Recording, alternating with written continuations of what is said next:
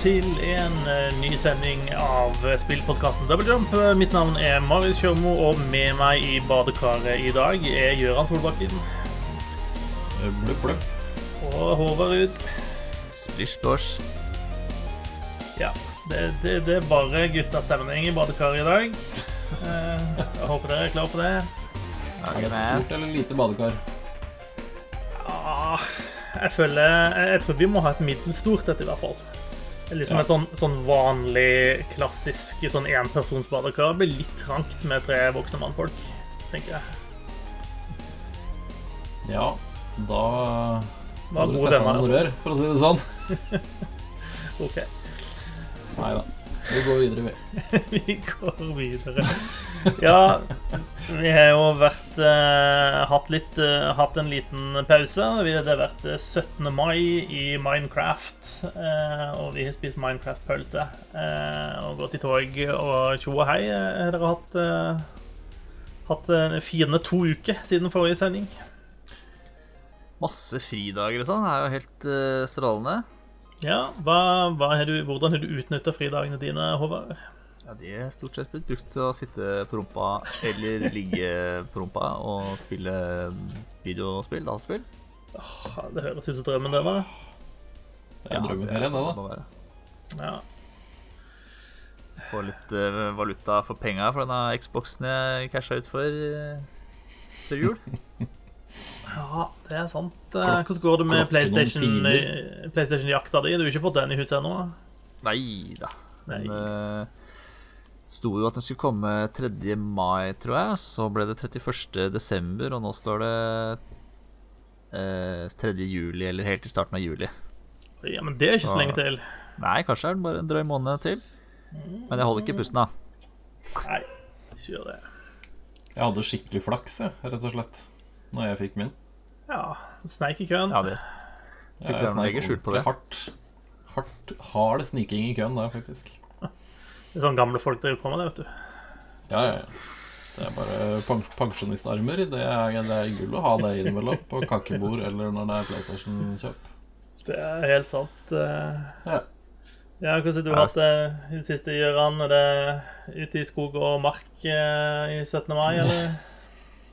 Ja, altså 17. mai eh, blei lugn og rolig, den. Eh, Men eh, det er jo en gang sånn da, når man har hus og akkurat har flytta, så er det 100 ting som må gjøres. Så her går det stort sett i rydding og sortering og planting av diverse grønnsaker og saging og kapping og maling og ja. Vi er der om dagen. Det er, så langt da. i butikken at det orker ikke At det lønner seg å, å, å dyrke sjøl. Yes, det er helt riktig. Nei, man må lære disse barna eh, hvor maten kommer fra, vet du. Mm. Så da, da må man gå gjennom hele prosessen. Nei, det er bare, bare for eh, hygge og kos og uh, mekke i stand en liten grønnsakshage og et lite drivhus og litt sånn, og se om det gror noe der. Høres chill ut, det, da. Ja da, det er gøy, det, altså. Og først bor sånn som jeg gjør, så tenker jeg at da må man gjøre, gjøre det beste ut av det, i hvert fall. Der ingen skulle tro at noen kunne bo. Ja, det er omtrent sånn. Det er det, men eh, det var hele poenget òg. Ja. Så Nei da, det går, eh, det går mye sånt. Nå skal jeg eh, i løpet av helga så skal jeg ut og kappe trær og rydde sti og gjøre sånne ting. Eh, Da er det full eh, motorsag eh, og tjohei, da. ja, altså jeg bruker jo Bruker det for det det er verdt til å kunne kjøpe meg sånne kule ting, da. Så så motorsag skal kjøpes. Så hvis det kommer noen og skal prøve å rane meg, så blir det, da blir det øks eller motorsag. Altså, så møter dem. Hvis eh, Du får være forsiktig, da. For hvis hånda ryker, så må jeg og, og Håvard slåss om PlayStation din. For den kan vi ikke bruke lenger. da.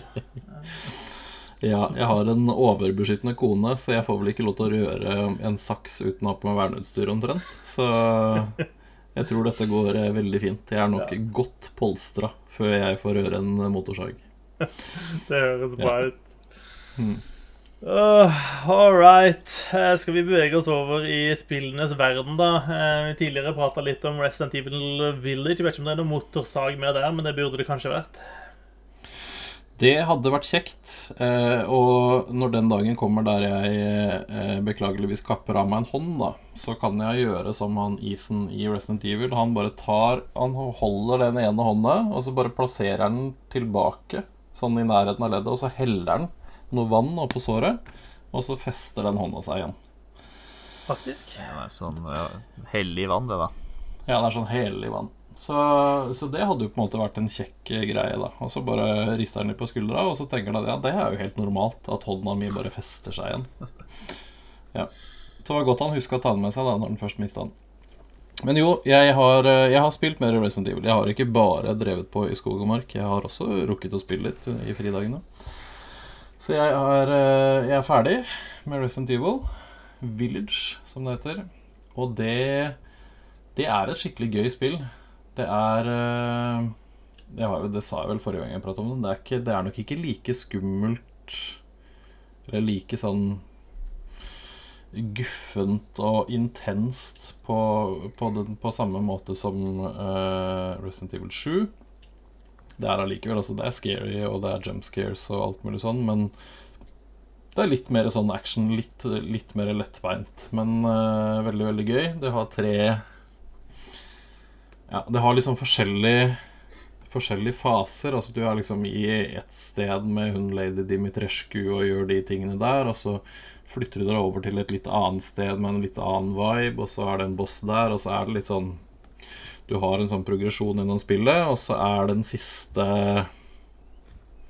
Jeg syns kanskje ikke de nailer det like bra, da. Jeg syns de de første delene av spillet er hakket bedre enn de siste. Men sånn totalt sett så er det en, eh, en god opplevelse, altså. Jeg syns det var veldig gøy. Så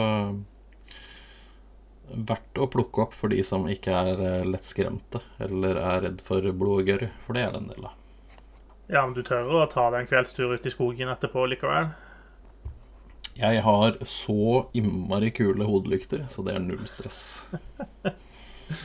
right. Yes.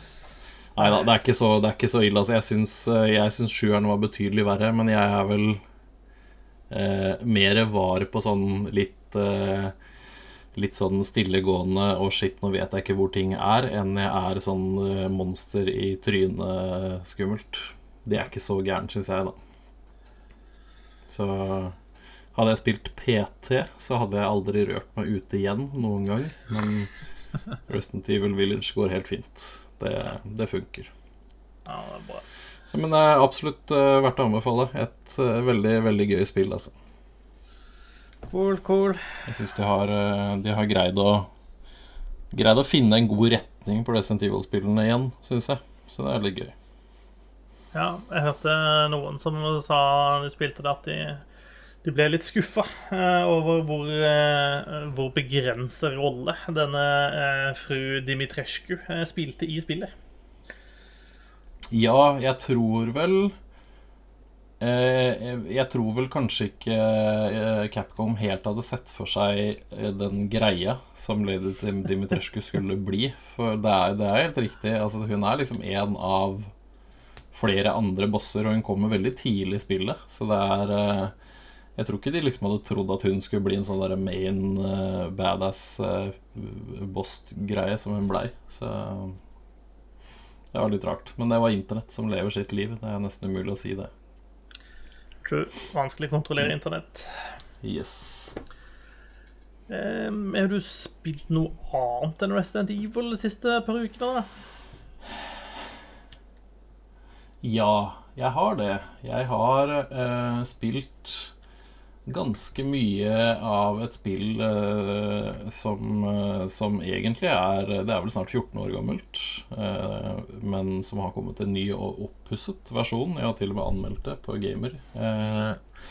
jeg har spilt Mass Effect Legendary Edition. Det er vel stort sett det det har gått i, i tillegg til Mass Effect den siste tiden. Ja jeg har også kasta ja. meg på Legendary Edition. Jeg tror til og med Håvard har om ikke Legendary, så i hvert fall kaste seg på Mass Effect, stemmer ikke det? Jo, jeg kasta meg på Original Edition. Eh, jeg har jo jeg har faktisk aldri spilt Mass Effect før nå nylig, da. Eh, så jeg var jo litt sånn eh, Sånne store rollespill og sånn pleier jeg liksom å gå lei ganske fort. Så jeg var ikke helt sikker på om jeg ville cashe ut 600-700 kroner på Legendary Edition, så da skal jeg prøve Kunne jeg prøve de originale versjonene av spillet, da, som ligger i GamePass. Um, så det har jeg gjort. Og spilt en fem Ja, drøyt fem timer, tenker jeg. Av det første Mass Effect. Uh, og jeg liker det egentlig ganske godt så langt. Det er mye Ja, der som jeg ikke ja. liker òg, da. Uh, dette overheating-systemet i våpnene, f.eks. Uh, ganske, ganske håpløst. Ja, for det er et Ja, for den cooldownen du får etterpå, den er ganske lei. Ja, Ja, fordi den varer for alltid. dette er jo et system hvor de har valgt å ikke ha ammunisjon i våpnene, men at de heller har sånn overheat, da. Eh, hvis jeg husker riktig, så fjerner de vel det i de neste spillene, gjør de ikke det?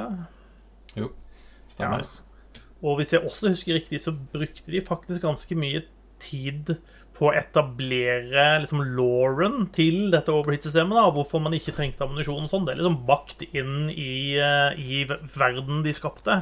Eh, og så bare var ikke det noe populært, og så måtte de fjerne de toen. Og hvordan de, de bakte det inn i Lauren igjen, det er jeg ikke helt sikker på. Men eh, Ja. da driver vi og plukker opp sånne klips. Ja.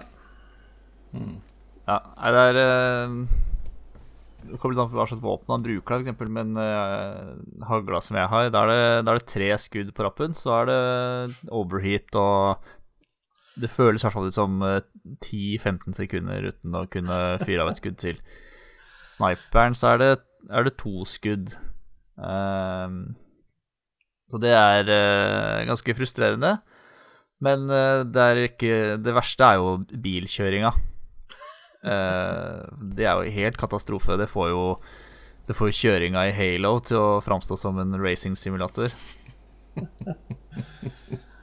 Uh, ja. Det er en av de tingene de heldigvis har gjort noe med. ja. Ja, det, Ja. det var nødvendig eh, for han, eh, han eller hun, eh, eller de, som eh, har designa og utvikla den bilen og fysikken og, hvordan alt det skal funke. Kan jo kun eh, ha sett en bil. Aldri sittet på en bil, kjørt en bil sjøl. Ja, den Makoen i eneren er vel eh, elska og hata eh, across eh, the universe, holdt jeg på å si. Eh, men ja, der har de gjort noe i Legendary Edition, eh, fordi styringa av den føles langt ifra så egregious eh, som de gjorde i originalen. Eh, men når det er sagt, så er det fortsatt rimelig dølt eh, å tøffe rundt på planetene eh, med den. Eh, Så selv om den styres eh, enklere, så er det, det er jo ikke noe gøy å drive og prøve å klatre, fjelleklatre med den makoen likevel. Jeg kjenner, kjenner, kjenner jeg blir litt provosert hver gang jeg skal ned på en sånn random planet og leite etter ting. Eh, Uh, Ja, det er, det er ikke bra. Men eh, jeg liker historien. da Den jeg eh, den er spennende og interessant og, og utvikler seg bra. I hvert fall så langt. Nei, ja, Så jeg syns det angre på at jeg er 14 år eh, for sent. det kan du. Ja.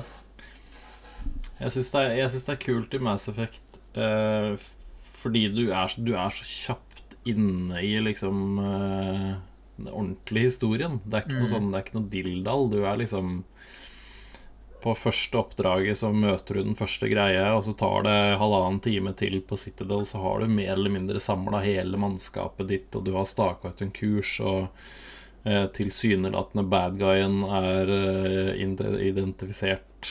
Altså, du, er- du er liksom rett på med en gang. Redd universet, frøken Shepherd. Vær så snill. Jep. Så, det var, det men var jeg ganske modig eh, designvalg av de i utgangspunktet, egentlig. Eh, de, og de har jo lagt eh, De har jo gitt De ga jo ut offisielle bøker til til Mass Effect, og, og en av de er jo på en måte en prequel til til Mass Effect 1, eh, som forteller liksom mer historien om Captain Anderson og hans run-in med, med Saren, og, og, og liksom en del sånn oppbygging og sånn som, som du absolutt ikke må lese for å spille spillet og kose deg med det, eh, men som også er ganske gøy hvis du er fan, da, eh, og ser hvordan de, de legger dette opp. Eh, Men jeg syns spillet som dere sier, gjør en veldig god rolle i å bare kaste deg inn i det som foregår eh, i, i universet. Men snakk om Legendary Edition, da. Prøv å selge, selge det til meg. Makoen er bedre. Solgt. Nei, eh, Legendary Edition Jo, altså Makon er bedre, men Makon er fortsatt ikke bra. Det er helt riktig som Mario sier. Altså Makon er noe dritt. Og det er, det er ikke noe gøy nødvendigvis med alle de planetene der du får liksom tre forskjellige sånne punkter, og så må du kjøre dit, og så ser du at den, den raka veien til det ene punktet, det er over 2,5 km med fjell. Altså Da veit jeg at dette blir ikke kult, det. Um, um, men Makon er bedre. Jeg, nå er jeg i For jeg testa bare så vidt, da, så testa jeg Mass Effect på PC, det originalspillet. Og så har jeg spilt da uh, Legendary Edition på PlayStation. Og, men jeg synes kanskje skytingen og kampsy altså kampsystemet kjennes bedre ut i det nye spillet. Jeg tror Altså, Det de har gjort noe med cov coversystemet. er det er forbedra. Det, er ikke- det- er fortsatt ikke helt konge, det heller. Altså, det, er ikke noe, det er ikke noe Gears of War-greie her, men det funker bedre i Legendary Edition. Ellers så syns jeg de bare har Jeg vet ikke om de er snillere eller mer presise med, med litt sånn aim assist og sånn, men jeg føler jeg har mer, mer kontroll da, på skytingen i Legendary Edition. Selv om det er noe, altså, det er ikke noe sånn skytefølelse snakk om. Altså, om du skyter med en rifle eller en pistol, så er det liksom Det er ikke den De er bedre på å formidle liksom tyngde og forskjell i våpen nå enn det de var i 2007, da. Ja. Syns jeg. Så, så det er Altså, Mass Effect er et Det er et litt røft spill. Sånn spillmekanisk så er det det. Definitivt. Eh, og, og de meste av eh, oppussingene er jo eh, hvordan ting ser ut. Eh, sånn at eh, Ja. AI-en fortsatt eh, får, av og til hjerneslag, sånn som den gjorde tidligere, liksom. Eh, og hvis, si, når du eh, du og, og squadet ditt liksom buster inn i et warehouse et eller annet sted, og det er masse kasser rundt forbi, og det er åtte fiender i rommet, så er det sånn eh, ja, de løper rundt som en sånn pingpongball, noen av de fiendene uansett. og eh, når når du sitter liksom tre stykker bak i en eske, så finner liksom en av de ut at han skal bare spasere bort og forbi dere og rundt dere mens alle tre står og skyter på han. Liksom. Altså, ja. det, det, skjer en del rare ting der. Noe av det jeg sliter egentlig mest med, som, som, som ikke er pga. Legendary Edition, men fordi at Mass Effect 1 er, ikke er de nyere Mass Effect-spillene, er eh, hvor begrensende spillet er. da Altså sånn, Du får mange kule abilities, men du kan bruke så fryktelig lite av det. Eh, det er kjempelang tid imellom hver gang du kan bruke abilitiesene, og i utgangspunktet kan du bare Altså, du kan vel bare sette én ability om gangen eh, som aktiv.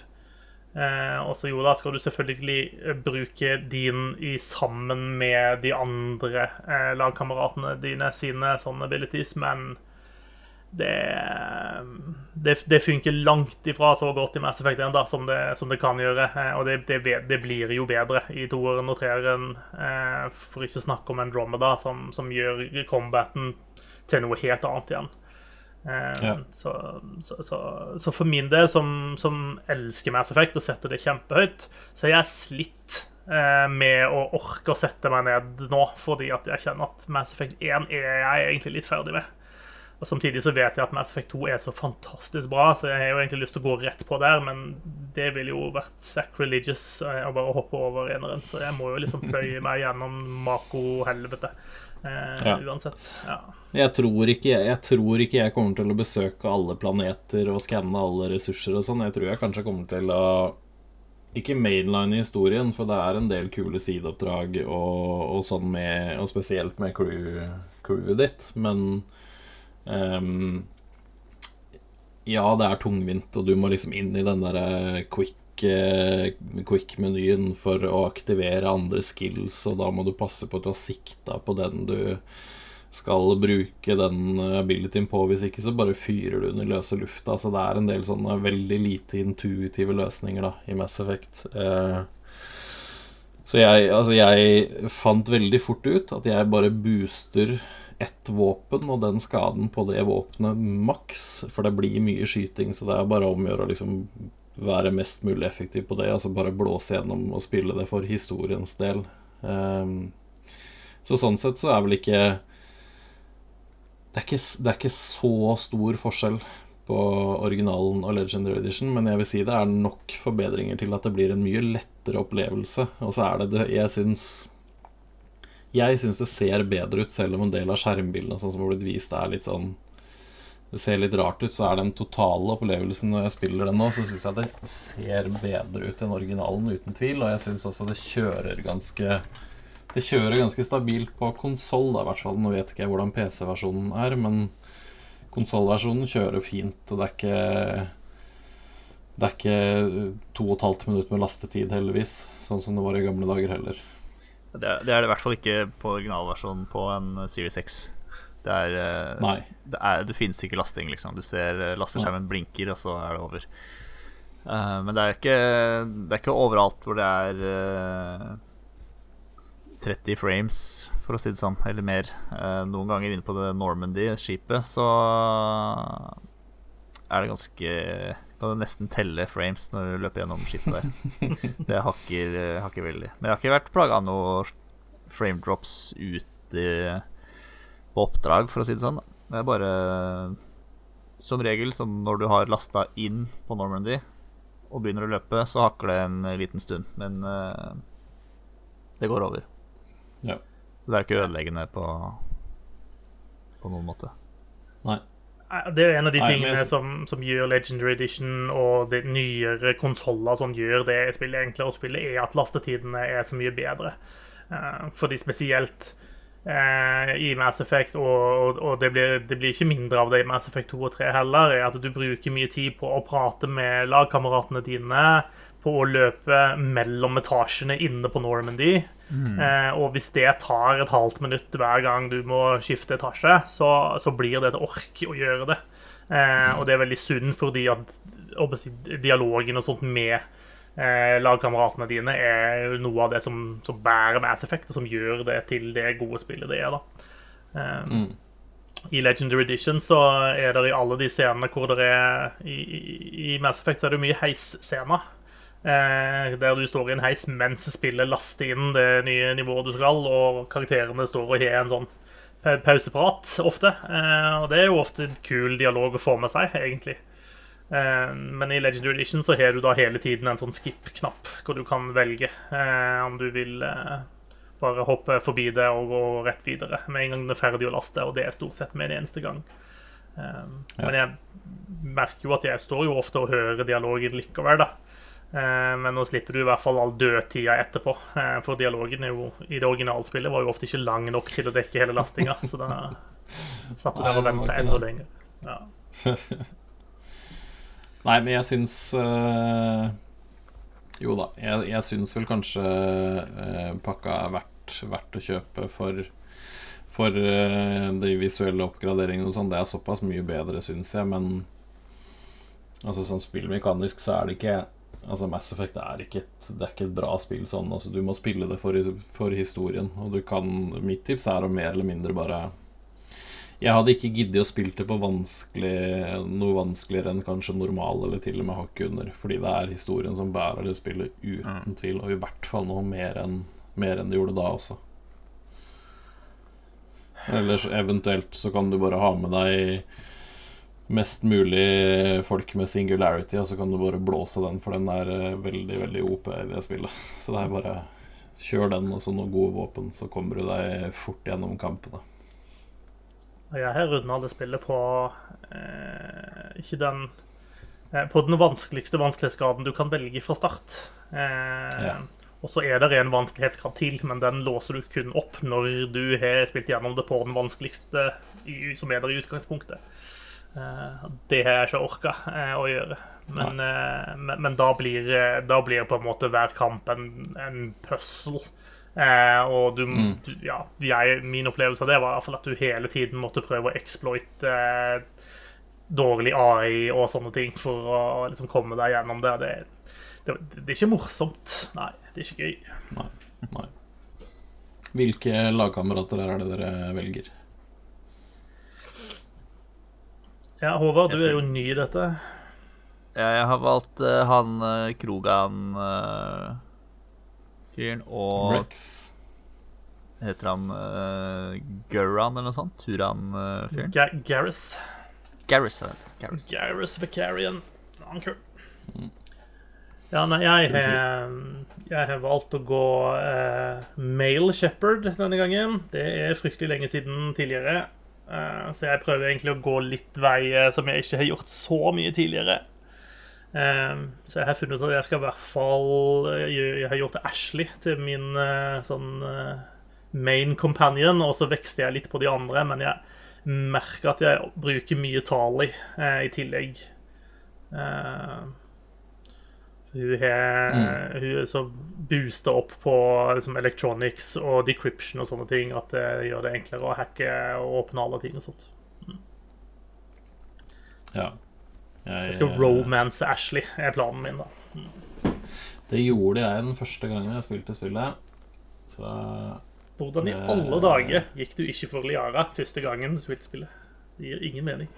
Nei, det veit jeg ikke helt. Jeg veit ikke helt hvorfor det blei det. Men nå, nå går jeg for eh, Det blir stort sett Liara og Tali på, på teamet mitt. Og så er det nok Liara som er eh, min, min goal i Love Life denne runden. Så får vi se åssen det ender. Om jeg greier å spille korta mine riktig. Ja. Faktisk. Nei, det er gøy. Jeg syns det er veldig gøy. Altså sånn eh, Sett bort ifra at det er, det er et gammelt spill og det er mye røffe kanter her, så syns jeg fortsatt det er gøy å være tilbake. Og jeg syns musikken er eh, fortsatt uh, kjempebra. Og jeg syns det er Det er en veldig bra driv i historien hele veien, syns jeg. Mm. Så jeg koser meg veldig. Og så er det uh, mindre oppgraderinger på nummer to og nummer tre eh, enn det er på det første spillet, naturlig nok. Men de har også en mye Altså, det er jo en helt Det er ikke natt og dag å spille Mass Effect 1 og Mass Effect 2, men det er nesten det. Sånn i hvert fall når det kommer til kampsystem og sånn, så er det Det kjennes så veldig mye mer moderne ut med en gang.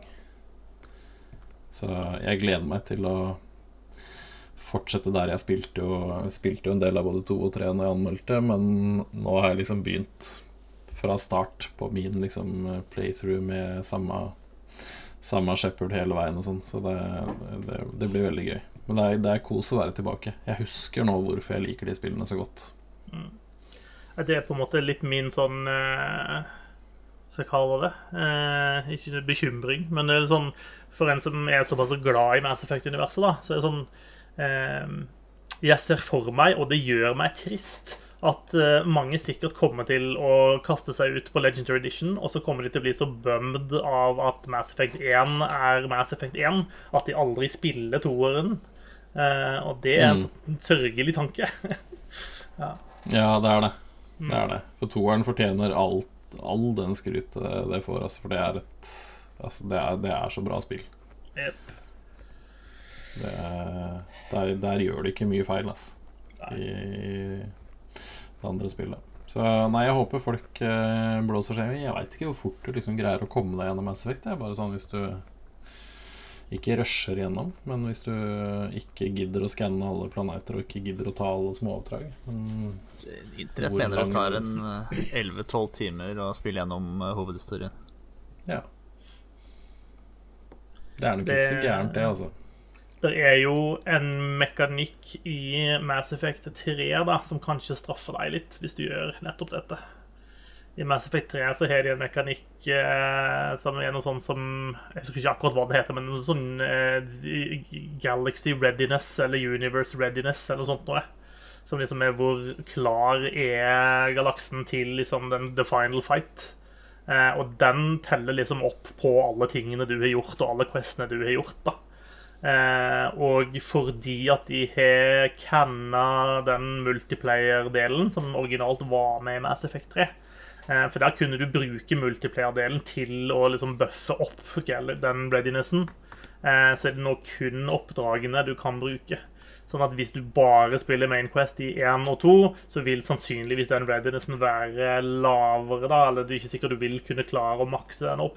Det betyr jo ikke at ikke du får spilt igjennom spillet, men det legger kanskje noen begrensninger på hva som skjer på slutten av spillet. da. Stemmer. Mm.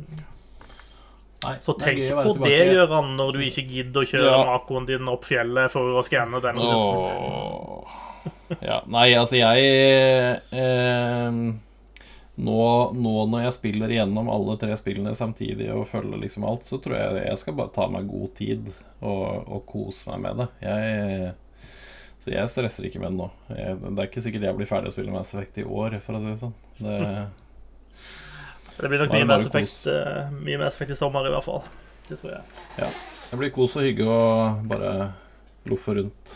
Så men jeg gleder meg til å spille Mass Effect 2. da Jeg gjør det, jeg kjenner det når jeg spiller Mass Effect 1, at jeg gleder meg til å bli ferdig med det. Det gjør jeg. Yep. Så jeg veit ikke, det var ikke noe svar egentlig. Og det var et veldig lang prat når du spurte om noe. Men om det er verdt å kjøpe Jeg veit ikke. Hvis du syns det er helt ok å spille det originale spillet, og ikke er liksom sånn der 'Å, herregud, det her orker jeg ikke', så tenker jeg at da er det ikke verdt 700 kroner. Jeg syns det går helt greit, egentlig, å spille et 14 år gamle spillet. Eh, vi har, som vi har toucha inn på, så er jo combaten er jo, er jo helt krise.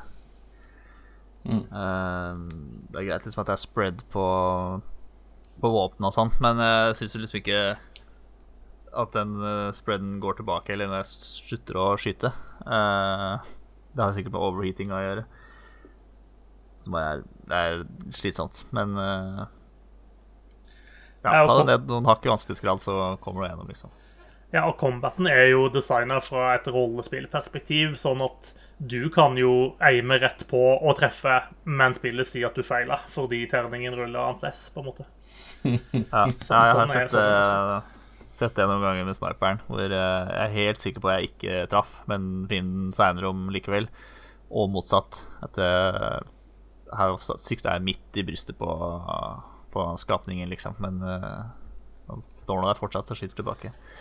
Ja.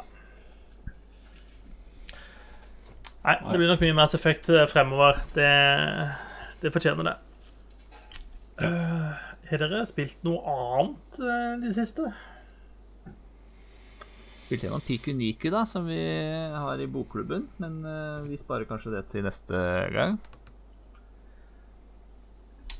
Ja, vi har Ja, drevet med en sånn bokklubb òg, vi. Ja, Det høres kanskje ut som vi sparer det neste gang, da. det høres sånn ut. Ja. ja, nei, jeg har spilt i pikenikke, jeg, altså, men eh, vi kan, eh, vi kan drøye til neste gang, så kanskje Susanne har eh, kommet over eh, snufs og nys, og så kan hun også være med og mene litt om det. Ja. Og kanskje Marius kan ha begynt på det også. Det hjelper. Kanskje Marius kan ha begynt på det. Ja, Men Det er, ikke, det er ikke så langt, så det er ikke store investering å spille nå. Det er bra. Det er overwhelmingly positive reviews på Steam. Så det må være bra. kunne Ikke være rart. Det tror jeg på. Nei, bortsett fra det så er det ikke så mye, mye annet spill, gitt. Det er ikke det, ass. Nei, men da kan vi jo gå videre til å prate om litt nyheter som er verdt, da. Og eh, Håvard, vi har jo fått eh, letta litt på sløret på hva Overwatch 2 kommer til å bringe oss. Ja, de hadde jo en uh, developer uh, Hva var det de kalte for det, da? En sånn live uh, stream som varte i en drøyt to timer, hvor uh, utviklere og influensere og proffspillere og sånn var innom for å snakke om uh, litt om hvordan PVP-en i Overwatch 2 blir. Eh, og den største nyheten der er vel at i, i stedet for eh, at det blir seks mot seks spillere, som det er i dag, så blir det fem mot fem. De, de dropper en tank, rett og slett, fra fra, fra lagoppstillinga, slik den er i dag. Så nå blir det én tank, to DPS og to support i Overwatch 2 når det kommer. Og det har vel vært En- en, eh, ikke, ikke, en eh, Ikke nødvendigvis en stående applaus fra communityet for den eh, avgjørelsen. Jeg har nesten ikke sett en eneste positiv tilbakemelding på den endringen.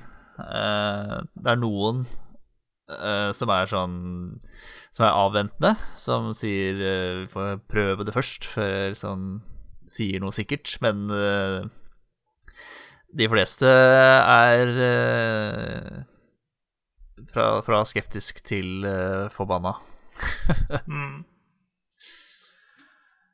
Ja, det blir spennende å se hvor, hvor mye det kommer til å påvirke spillet, da.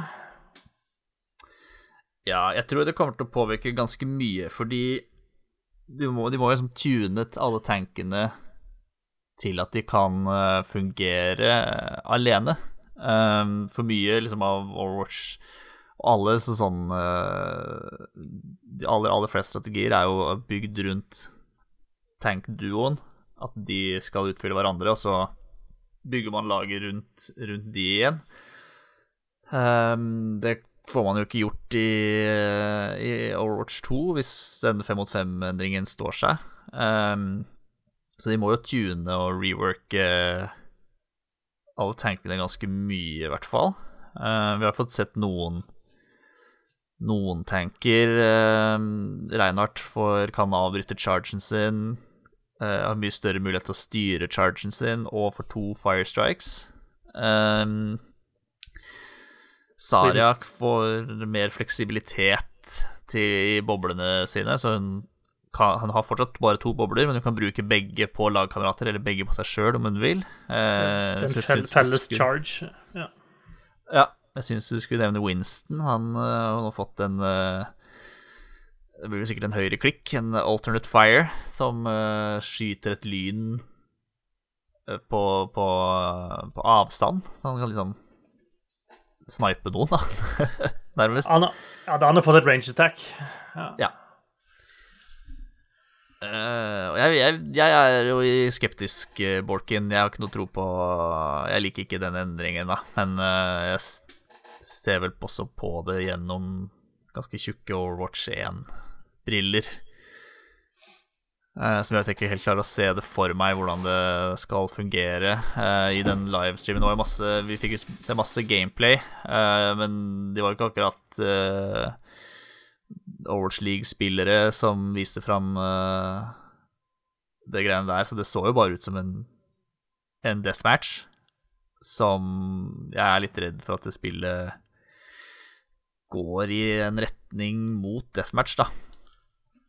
Eh, De sa jo sånn konkret og spesifikt i, i den streamen at uh, med fem spillere på laget, så vil de liksom øke potensialet for at enkeltpersoner kan, kan bære resten av laget. Um, og det er noe som liksom strider imot hele, hele, hele det Overwatch ble presentert som. Det, ble, liksom, det skal jo være et lagspill hvor man skal utfylle hverandre, man skal gjøre hverandre gode, liksom. Dette ble jo sagt i 2014, tror jeg, på BlizzCon, hvor de viste fram uh, viste fram Overwatch første gang, at seks uh, mot seks ble valgt fordi at man uh, Med mindre enn seks spillere, så ble hver enkelt person liksom for uh, Man ble for, for avhengig av at, all, at, hver enkelt på laget spilte dritbra, og med flere enn seks, så forsvant man liksom bare litt i i mengden og ble ubetydelig, da, nesten. Um, så jeg, jeg, er, jeg er skeptisk. Mm. Og det er sånn, kanskje fordi jeg også er, er en tank main. Uh, så jeg Dette kommer til å påvirke min rolle da, i Overwatch veldig, veldig mye. Og store endringer er man jo litt redd for. Ja, og der ligger det nok noe også i at uh dette er en stor endring, og vi vet ikke hvordan det vil bli. Det er naturlig å være litt skeptisk, sant. Eh, så den ligger nok der i utgangspunktet. Eh, og så Jeg tenkte litt på dette med, med tank-rollen og sånt også, og det, det er jo Altså, spiller du med en main-tank og en off-tank, så sånn ideelt sett, da, så skal du ha eh, kan du ha to tanker som har en god synergi sammen. Eh, du kan spille Winston Diva, og de kan på en måte komplementere hverandre osv. Men sånn men, men, sånn i praksis så tror jeg du må opp på et relativt høyt nivå av spillere som faktisk får det til på en god måte likevel, da. Eh, altså Hvis du ser på massen som spiller Overwatch, så, så velger du eh, Reinhardt, og så velger jeg eh, Roadhog, og så går, raser du av gårde og gjør din greie, mens jeg går og hooker noen et annet sted. Altså sånn Ja. Det, det er på en måte forskjell da på hva som er idealet, og hva som er, det faktiske som skjer da i en Overwatch League-kamp. Eh, og kanskje ja. vil det at det er fem spillere, gjøre det lettere å fokusere på liksom, lagarbeidsbiten også. Eh, og kanskje vil man bli straffa hardere hvis man ikke tar måte, hele laget sitt med i det man gjør, da. Jeg vet ikke helt. Men også et annet element inni her også er jo Ja, communityet har vært skeptisk, men det er jo Communityet er jo de som er igjen i Overwatch, og som har på en måte stuck by it, holdt jeg på å si. Mens tenk på ja. hvor mange som har forlatt Overwatch eh, siden begynnelsen, når det var veldig stort. Nå har jo ikke vi noen tall å jobbe ut ifra, men de fleste ser jo til å anta at eh, spillermassen har sunket ganske betydelig over tid. Eh, og det er klart noe må jo gjøres for å øke den spillerbasen igjen, og kanskje er dette svaret for å gjøre det. Eh, og det siste og det siste elementet da er jo at det å kutte fra 6 til 5 det løser en del utfordringer ganske umiddelbart. da. Eh, og så kan man alltids argumentere for at det ikke nødvendigvis var den beste måten å gjøre det på, men det løser en del utfordringer. Eh det blir lettere å matchmake, fordi nå bare, trenger du bare én tank istedenfor to, og ingen har lyst til å spille tank. Eh, det har vært et problem. Eh, nå må du bare matchmake med fire andre spillere istedenfor fem på laget ditt. Eh, som alt dette vil føre til at du vil raskere få kamper.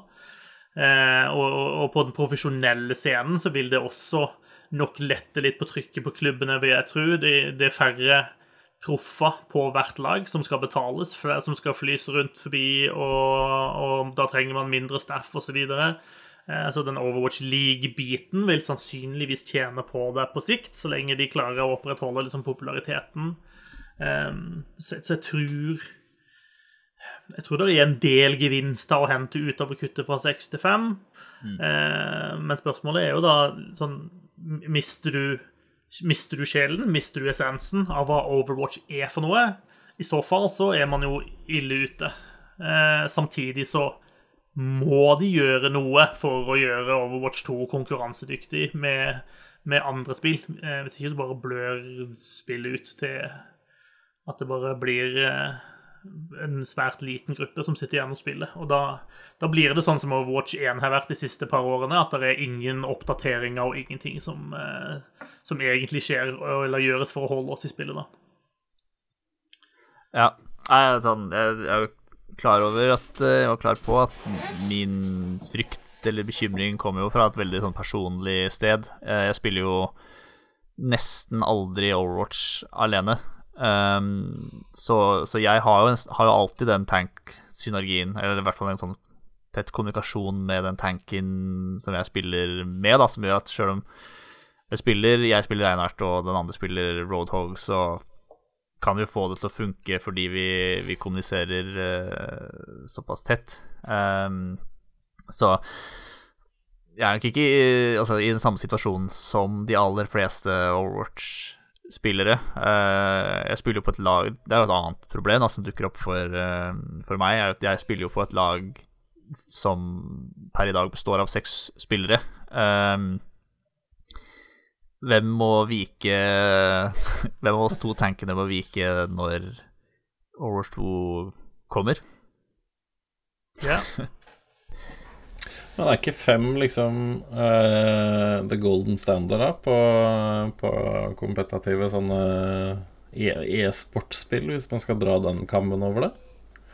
Ja, det er vel, er det det er vel så mange Det er vel fem i alle Moba-spill, tror jeg. Uh, eh, CS er vel fem. Ja, Valorant er vel fem. Så jeg vet ikke om de tilpasser seg resten av markedet, eller hva de driver med. Altså, de gjør jo det. Eh, de, de, de, trekker seg jo nærmere det som eh, er liksom tradisjonelle skytespill. Eh, og så vil du få den der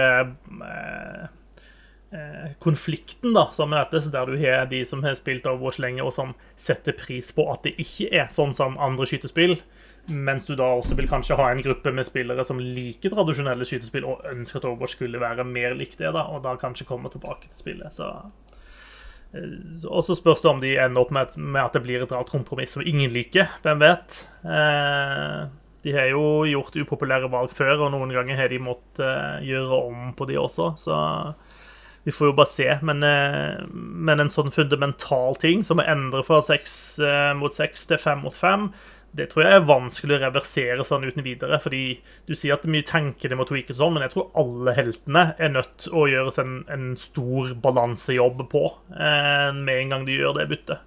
Ja, definitivt. Du må Ja. jo redusere healing, blant annet. Det bare er én tank som eh, Som du trenger å pumpes healing i, så kan du ikke, heltene, eh, kan du ikke supportheltene heale like mye som de gjør i dag. Det er jo én ting. Um, Ja, DPS-heltene kan ikke gjøre like mye skade når de må fokusere på én tank kontra to ish. så det, det er Altså, mye, det er en mye, hel mye tall som skal tweakes her, ja. Men eh, den største reworkene må nødvendigvis komme på, på tankene, tror jeg, da. Uh, Du skal ha Jeg tror også vi er litt sånn låst til å se på det som Å uh, kategorisere tanker som main tank og off tank. Um, Som har veldig, to veldig sånn distinkte oppgaver, da.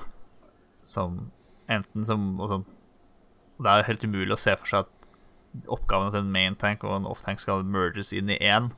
Så jeg tror sånn tankene må få en ny rolle i laget og i spillet som jeg ikke helt klarer å se for meg akkurat nå, for, eh, for, for at dette skal funke. da Ja da, og det er jo noen av tankene sånn som de fungerer i dag, som jeg ikke kan se for meg at vil være aktuelle å spille eh, som en alenetank. Eh, det å bygge en komp rundt eh, Sigma, f.eks., jeg kan ikke se for meg at det er noe som kan, kan funke. Eh, jeg heller ikke Orissa, med mindre du klarer å lage en eller annen weird, ordentlig bunker på et defense et eller annet sted. Eh, Men det, der, der er det jo en jobb, en jobb å gjøre. Og Overwatch har jo vært et balanseringssystem hele tiden. Ehm, og det, det som er litt ehm, paradoksalt, da, er at der Overwatch er akkurat nå, er kanskje det best balanserte spillet jeg har vært noen gang. Ehm, de har vært igjennom noen sånne grusomme runder der alt var goats og der alt var skjold og sånt, men akkurat nå så er egentlig spillet på et sted, ganske bra sted, da. Ehm, Så det, det, det gjør det litt ekstra spesielt at nå skal alt kastes opp igjen. Eh, Ja. Men vi vet, vet vel ikke ennå noe om når Overwatch 2 kommer, gjør vi det? Nei da. Jeg tror det er langt unna fortsatt, ass. For et par år til uten noe nytt til Overwatch 1. Ja. Da er det godt man har andre, har andre å spille med. Det gjør det veldig, gjør det veldig morsomt. Ah, gud bedre solo queuing, det hadde jeg ikke hatt uh, gidda til å sitte og holde på med. ass. Nei, det er, det er rett direkte kjipt. Ja. Vi fikk se mye annet fra Overwatch 2 da, som ser helt nydelig ut. De nye karta ser jo kjempemorsomme ut, eksempel. Um, nye push- push-modusen også er jeg veldig spent på å få prøve. Mm. Eh, og så det, var det litt interessant å høre fordi at det er jo ofte man ikke får høre så veldig mye om ting som ikke på en måte er ferdig bestemt. Eh, og Det var ganske artig å sitte og høre på disse utviklerne som sitter og prater om ja, akkurat nå så tenker vi sånn og sånn, men vi er ikke sikre på om det er sånn det kommer til å bli. Kanskje må vi gjøre sånn eller sånn i stedet. Eh, altså De var veldig åpne på at alt er liksom en balansegang. og Eh, man på en måte må, må Alt er under utvikling ennå, da. Eh, de snakker Ja. annet om eh, eh, dette med, med CS, eller crowd control, da. Eh, om at det var noe de, de kanskje så på om de skulle på en måte redusere en god del across the board. Eh, at de ville ha mindre av det, og kanskje det gir mening når det er bare én tank. Altså at en stakkars Reinhardt eh, kan jo bli CSA til døde. Eh, Eh, hvis ikke de gjør noe med det. Eh, Og de viste vel blant annet eh, noen endringer på May, f.eks. At med den primary firen til, til May, så vil ikke hun lenger faktisk fryse en fiende. Mm. De vil bare bli eh, slowed, i tillegg til at hun nå gjør mer skade. Eh, og så drev de og lefla med at eh, ja, og hva med McCree, da? Kanskje, kanskje McCree ikke skal ha den stunnen, stunnen sin som han har i dag. Eh, kanskje DPS-er ikke trenger å ha CC i det hele tatt. Eh, og så nevnte de at men kanskje noen skal beholde det. De nevnte Ana, blant annet, som at den virker å være ganske populær, den sleep-funksjonen hennes. Så ja. Det var i hvert fall interessant å høre på dem. da. Du fikk liksom litt innsikt i hvordan de tenker, og hvordan de prøver å balansere ting. Ehm, Jeg har jo, jeg har jo en viss tiltro til laget, at når det gjelder den balanseringsgreia, så, så kommer de til å klare å få det til over tid. Eh, Men eh, at det blir litt, eh, litt Texas i starten, det er vel nesten å, å regne med. Så Ja, det er nok det. Nei, vi får se. Det blir eh, spennende å se når, når enn eh, dette blir lansert. Ja, ja det var, gikk- var jo hakket i plata om at dette er work in progress. Så Ja. Jeg gleder meg til å høre mer, i hvert fall. Ehm, så har de en jobb med å overbevise majoriteten av community om at fem mot fem er, eh, er bra og riktig. Ja, og det er også spennende. Kommer de til å ha en sånn classic mode, der du kan spille seks mot seks likevel? Og kommer folk til å da å spille den isteden? Det er jeg litt spent på. Ja. Det er vel ikke helt sikkert at uh, brått så kan de jo gå tilbake på den fem mot fem-beslutningen nå, kanskje. Det hvem vet. Ja, men igjen, da tror jeg de må Da, da må de plutselig rebalansere alle heltene igjen, tror jeg. Uh, Så jeg Ja, tror det er en de- ganske stor jobb. da. De tallene har de jo i livespill i dag, så det er jo bare å hente ut. Man får jo håpe at det kom noen nye helter eh, på et eller annet tidspunkt inni der også. Ja. Det hadde vært uh, hyggelig. Nei, uh, Overwatch 2 uh, Vi ser frem til å møte deg en gang i fremtida. Eh, så får vi se hva vi synes om deg når du er her. Eh, noe som ble annonsert ganske nylig, det har vært eh, ParadoxCon, eller PDXCon. Eh, og eh, utenom litt sånn utvidelser og litt sånn diverse snacks, så ble Victoria 3 annonsert. Eh, og for de som er sånn Er det kult, eller er det ikke det? Eh, ja, det er jo spørsmålet. Eh, men én ting som er i hvert fall sikkert, det er jo at de som er litt inne i den strategidelen av internett, så har jo liksom Announced Victoria 3 har jo vært en meme. Nesten sånn Half-Life 3 confirmed meme, omtrent. Eh, og nå er jo den memen død, fordi nå er Victoria 3 eh, confirmed. Hver gang Paradox har hatt en pressekonferanse de siste fem årene, så har folk stått og grevlet etter Victoria 3. Eh, og så er jeg litt usikker på om de har gaula etter det fordi de har veldig lyst på det, eller fordi de har bare trodd at det, det er det som blir det neste som skal komme. Det, det er jeg ikke svaret på. Eh, jeg har ikke vært noen fan av de forrige Victoria-spillene. Jeg syns ikke de har klart å få til det de har prøvd å få til. Jeg syns det har vært det dødeligste av de eh, sånn epoke, tidsepoke-strategispillene til Paradox. Um, så jeg er veldig spent på om de klarer å gjøre det på en litt annen måte.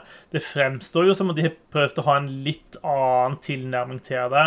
Eh, hva var ordene de brukte? det? Altså De kaller det en sånn slags sånn society simulator eller noe sånt noe. Eh, som kanskje kan tyde på at de, prøver å ta det litt vekk ifra den sånn eh, harde sånn grand strategy-biten som de har hatt før og liksom velge å overlate den biten til, eh, til Europa Universalis og til Hearts of Iron i sine respektive perioder. Eh, og det tror jeg de gjør lurt i. Eh, så hvis de på en måte klarer å følge opp den biten og heller gjøre Victoria 3 til noe litt eget, og ikke sånn at det ikke bare føles som en sånn eh, mellomting av de andre spillene sine, eh, så tror jeg det kan bli bra. Men eh, ja, vi- vi- hvis det på en måte bare blir en rehash av Victoria 2 som ser finere ut, eh, så, så er jeg ikke interessert, rett og slett. Takk, men nei takk. Det eh, s- s- så dritkjedelig det var å sitte og micromanage det forbanna handelssystemet med hvilke land du skulle bytte tre jern mot fire hvete osv. Det var dørgende kjedelig. Så Ja, det, det håper jeg Ikke for deg. tydeligvis. Nei, nei, ikke for meg i det hele tatt. Eh, vi vet ikke når det kommer ennå, men det kommer en gang i fremtida. Eh, så det, det, blir spennende å se hva det blir. Eh, I tillegg så har det vært mye støy. Eh, de har jo sjøl vært ute, Paradox, og sagt eh, liksom Sorry, vi har driti oss skikkelig ut, egentlig. Eh, og vært ute og unnskyldt seg til hele communityet sitt fordi de har lansert jeg håper å si, flere ting som ikke har vært bra nok. Eh, verken i fansens øyne eller deres egne øyne. Eh, det, spesielt den EU4-utvidelsen som kom sist, var smekkfull av bugs og problemer. Eh, og var helt åpenbart ikke godt nok testa før den ble sluppet. Eh, og de har hatt litt utfordringer. De har, det, de lukter litt sånn voksesmerter av Paradox. De har drevet og utvida, eh, åpna nye studio, flytta litt rundt på folk. Eh, og så driver de hele tiden og prøver å Um, ja, jeg vet, ikke, jeg vet, ikke, hvordan jeg skal forklare det helt, men uh, i Ubisoft har et veldig sånn intrikat system med hvilke studioer som gjør hvilke ting. Da. Uh, noen er liksom lead et, av hovedansvar for et spill, men så er det flere andre studioer som hjelper til med enkelte ting og enkelte elementer. og Noen har liksom kontroll på det tekniske aspektet på 3D-motor osv. Så og ja, altså sånne ting. Eh, og de driver på med noe litt sånn i Paradox også. Eh, og de har drevet og flytta litt på at ja, det er et studio som kanskje har ansvar for å utvikle et spill, men så er det kanskje et annet studio som da etter hvert overtar og skal eh, lage utvidelsen og sånn til spillet. Og det er ikke alt der som har gått like knirkefritt heller.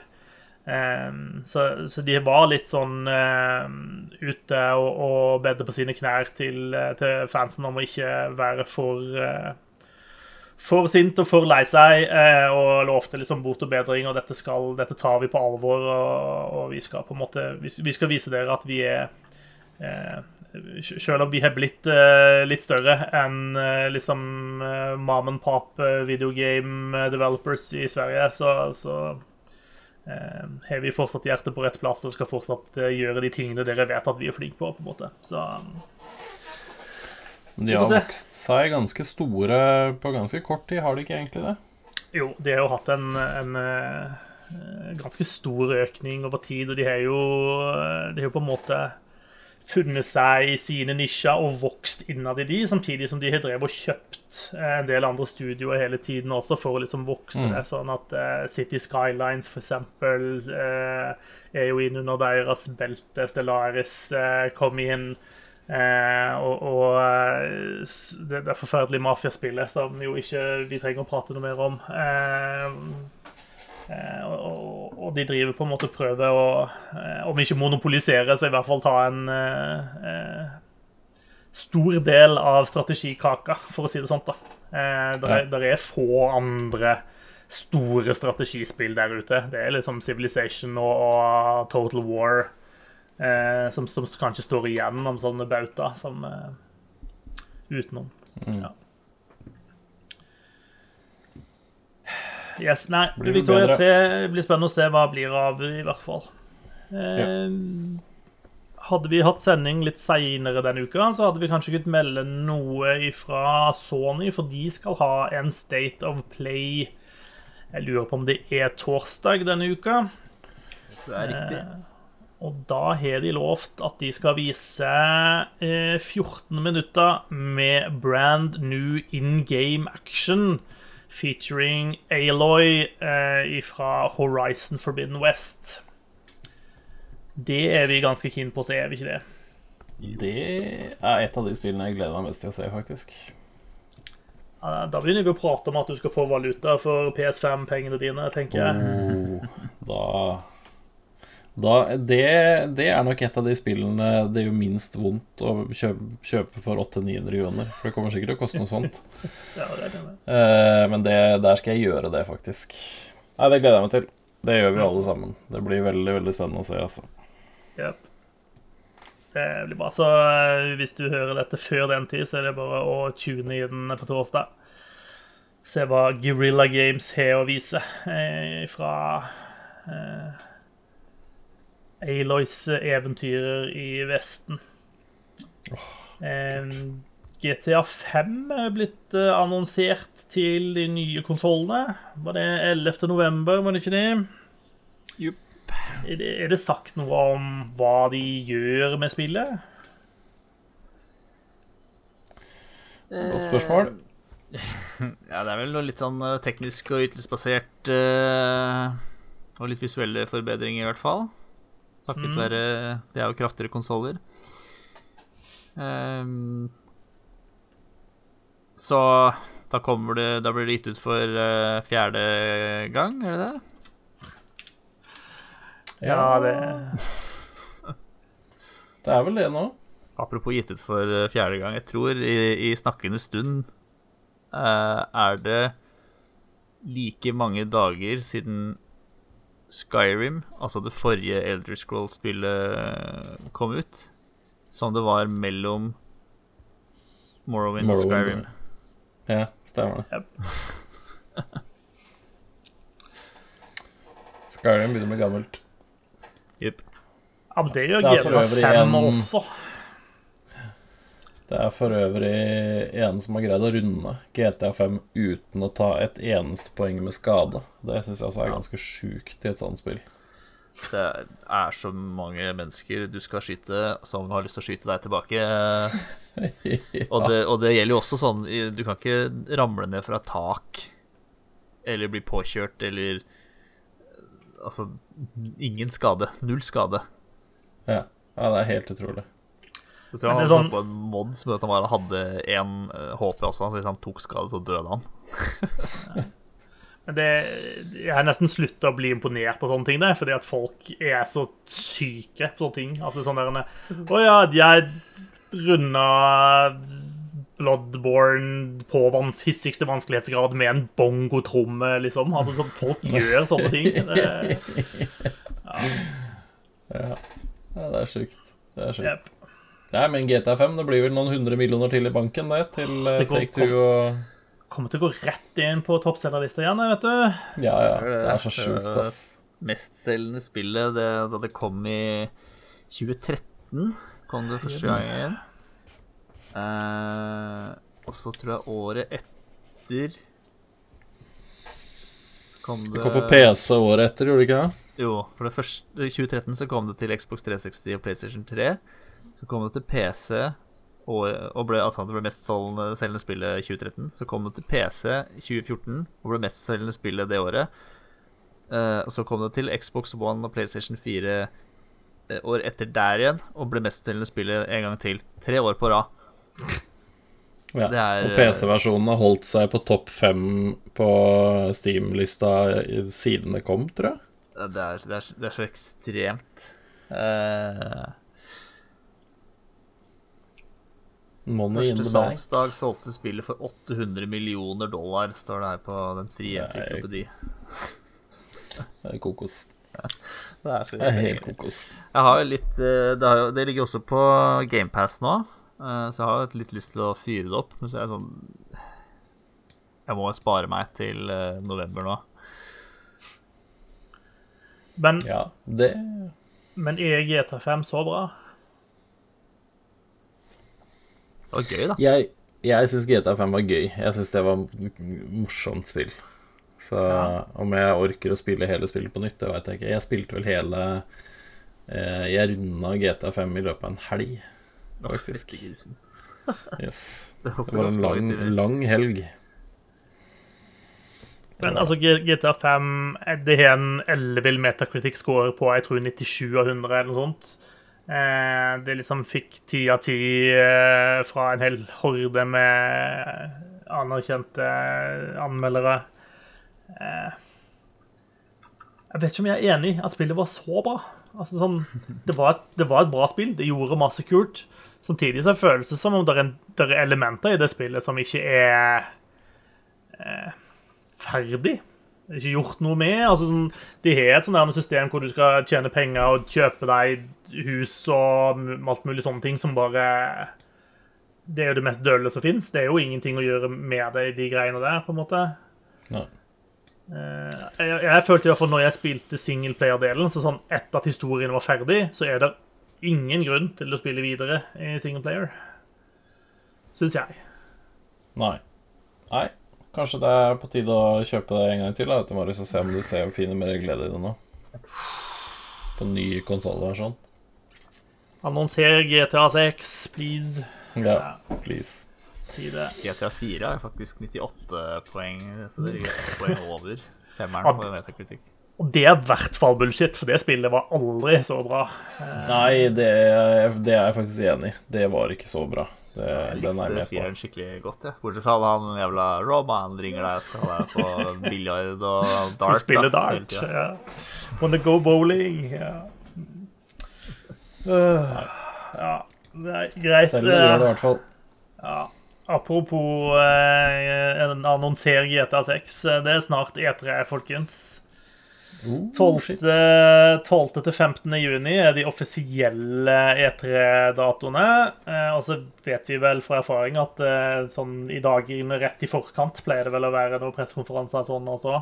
Ehm, så her er det bare å gjøre seg klar. Det er ikke lenge til. Et par uker så er vi der.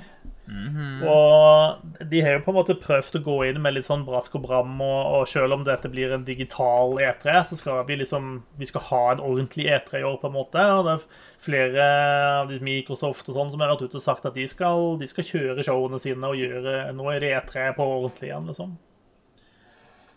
Det blir bra. Tror ikke vi får se noe GTA 6 i år, for å si det sånn, men uh... Nei, det tror ikke jeg heller. Men det er ganske mange rykter nå som sier at vi får se Starfield. Og det er ganske exciting, syns jeg. Ja. ja, det hadde vært kult. Det har vi jo bare sett en liten teaser eh, som ikke sa noen ting, vel. Jeg har sett en logo. Ja. En litt animert logo. Ja. Eh, Omtrent like mye som sett av Elder Scrolls. ja, jeg tror til og med vi har sett mer av Elder Scrolls, faktisk, gjennom Starfield. Uh, ja. Ja. Det- ja, det skal bli gøy å se hva det blir. Ja, det jeg gira på. Eh, Og jeg er også litt spent på hvordan det der blir fremover, for sånn som jeg har skjønt det, så skal Bethesda ha sin egen pressekonferanse, men de er eid av Microsoft, som har sin pressekonferanse, og det, ja, de har sagt et eller annet om at det skal være en, en link mellom de to på et eller annet vis, da. Mm. Ja.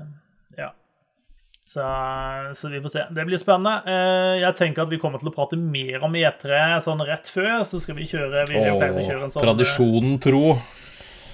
Ja, si, prate litt om hva vi, hva vi håper vi får se, og komme med noen eh, modige spådommer om hva vi tror at vi får se og ikke får se. Jeg tror vi har bomma grovt hvert år. Ja, stort, stort sett. Stort yeah. sett. Og så feirer vi det med brask og bram eh, på de små tingene vi faktisk treffer på, da.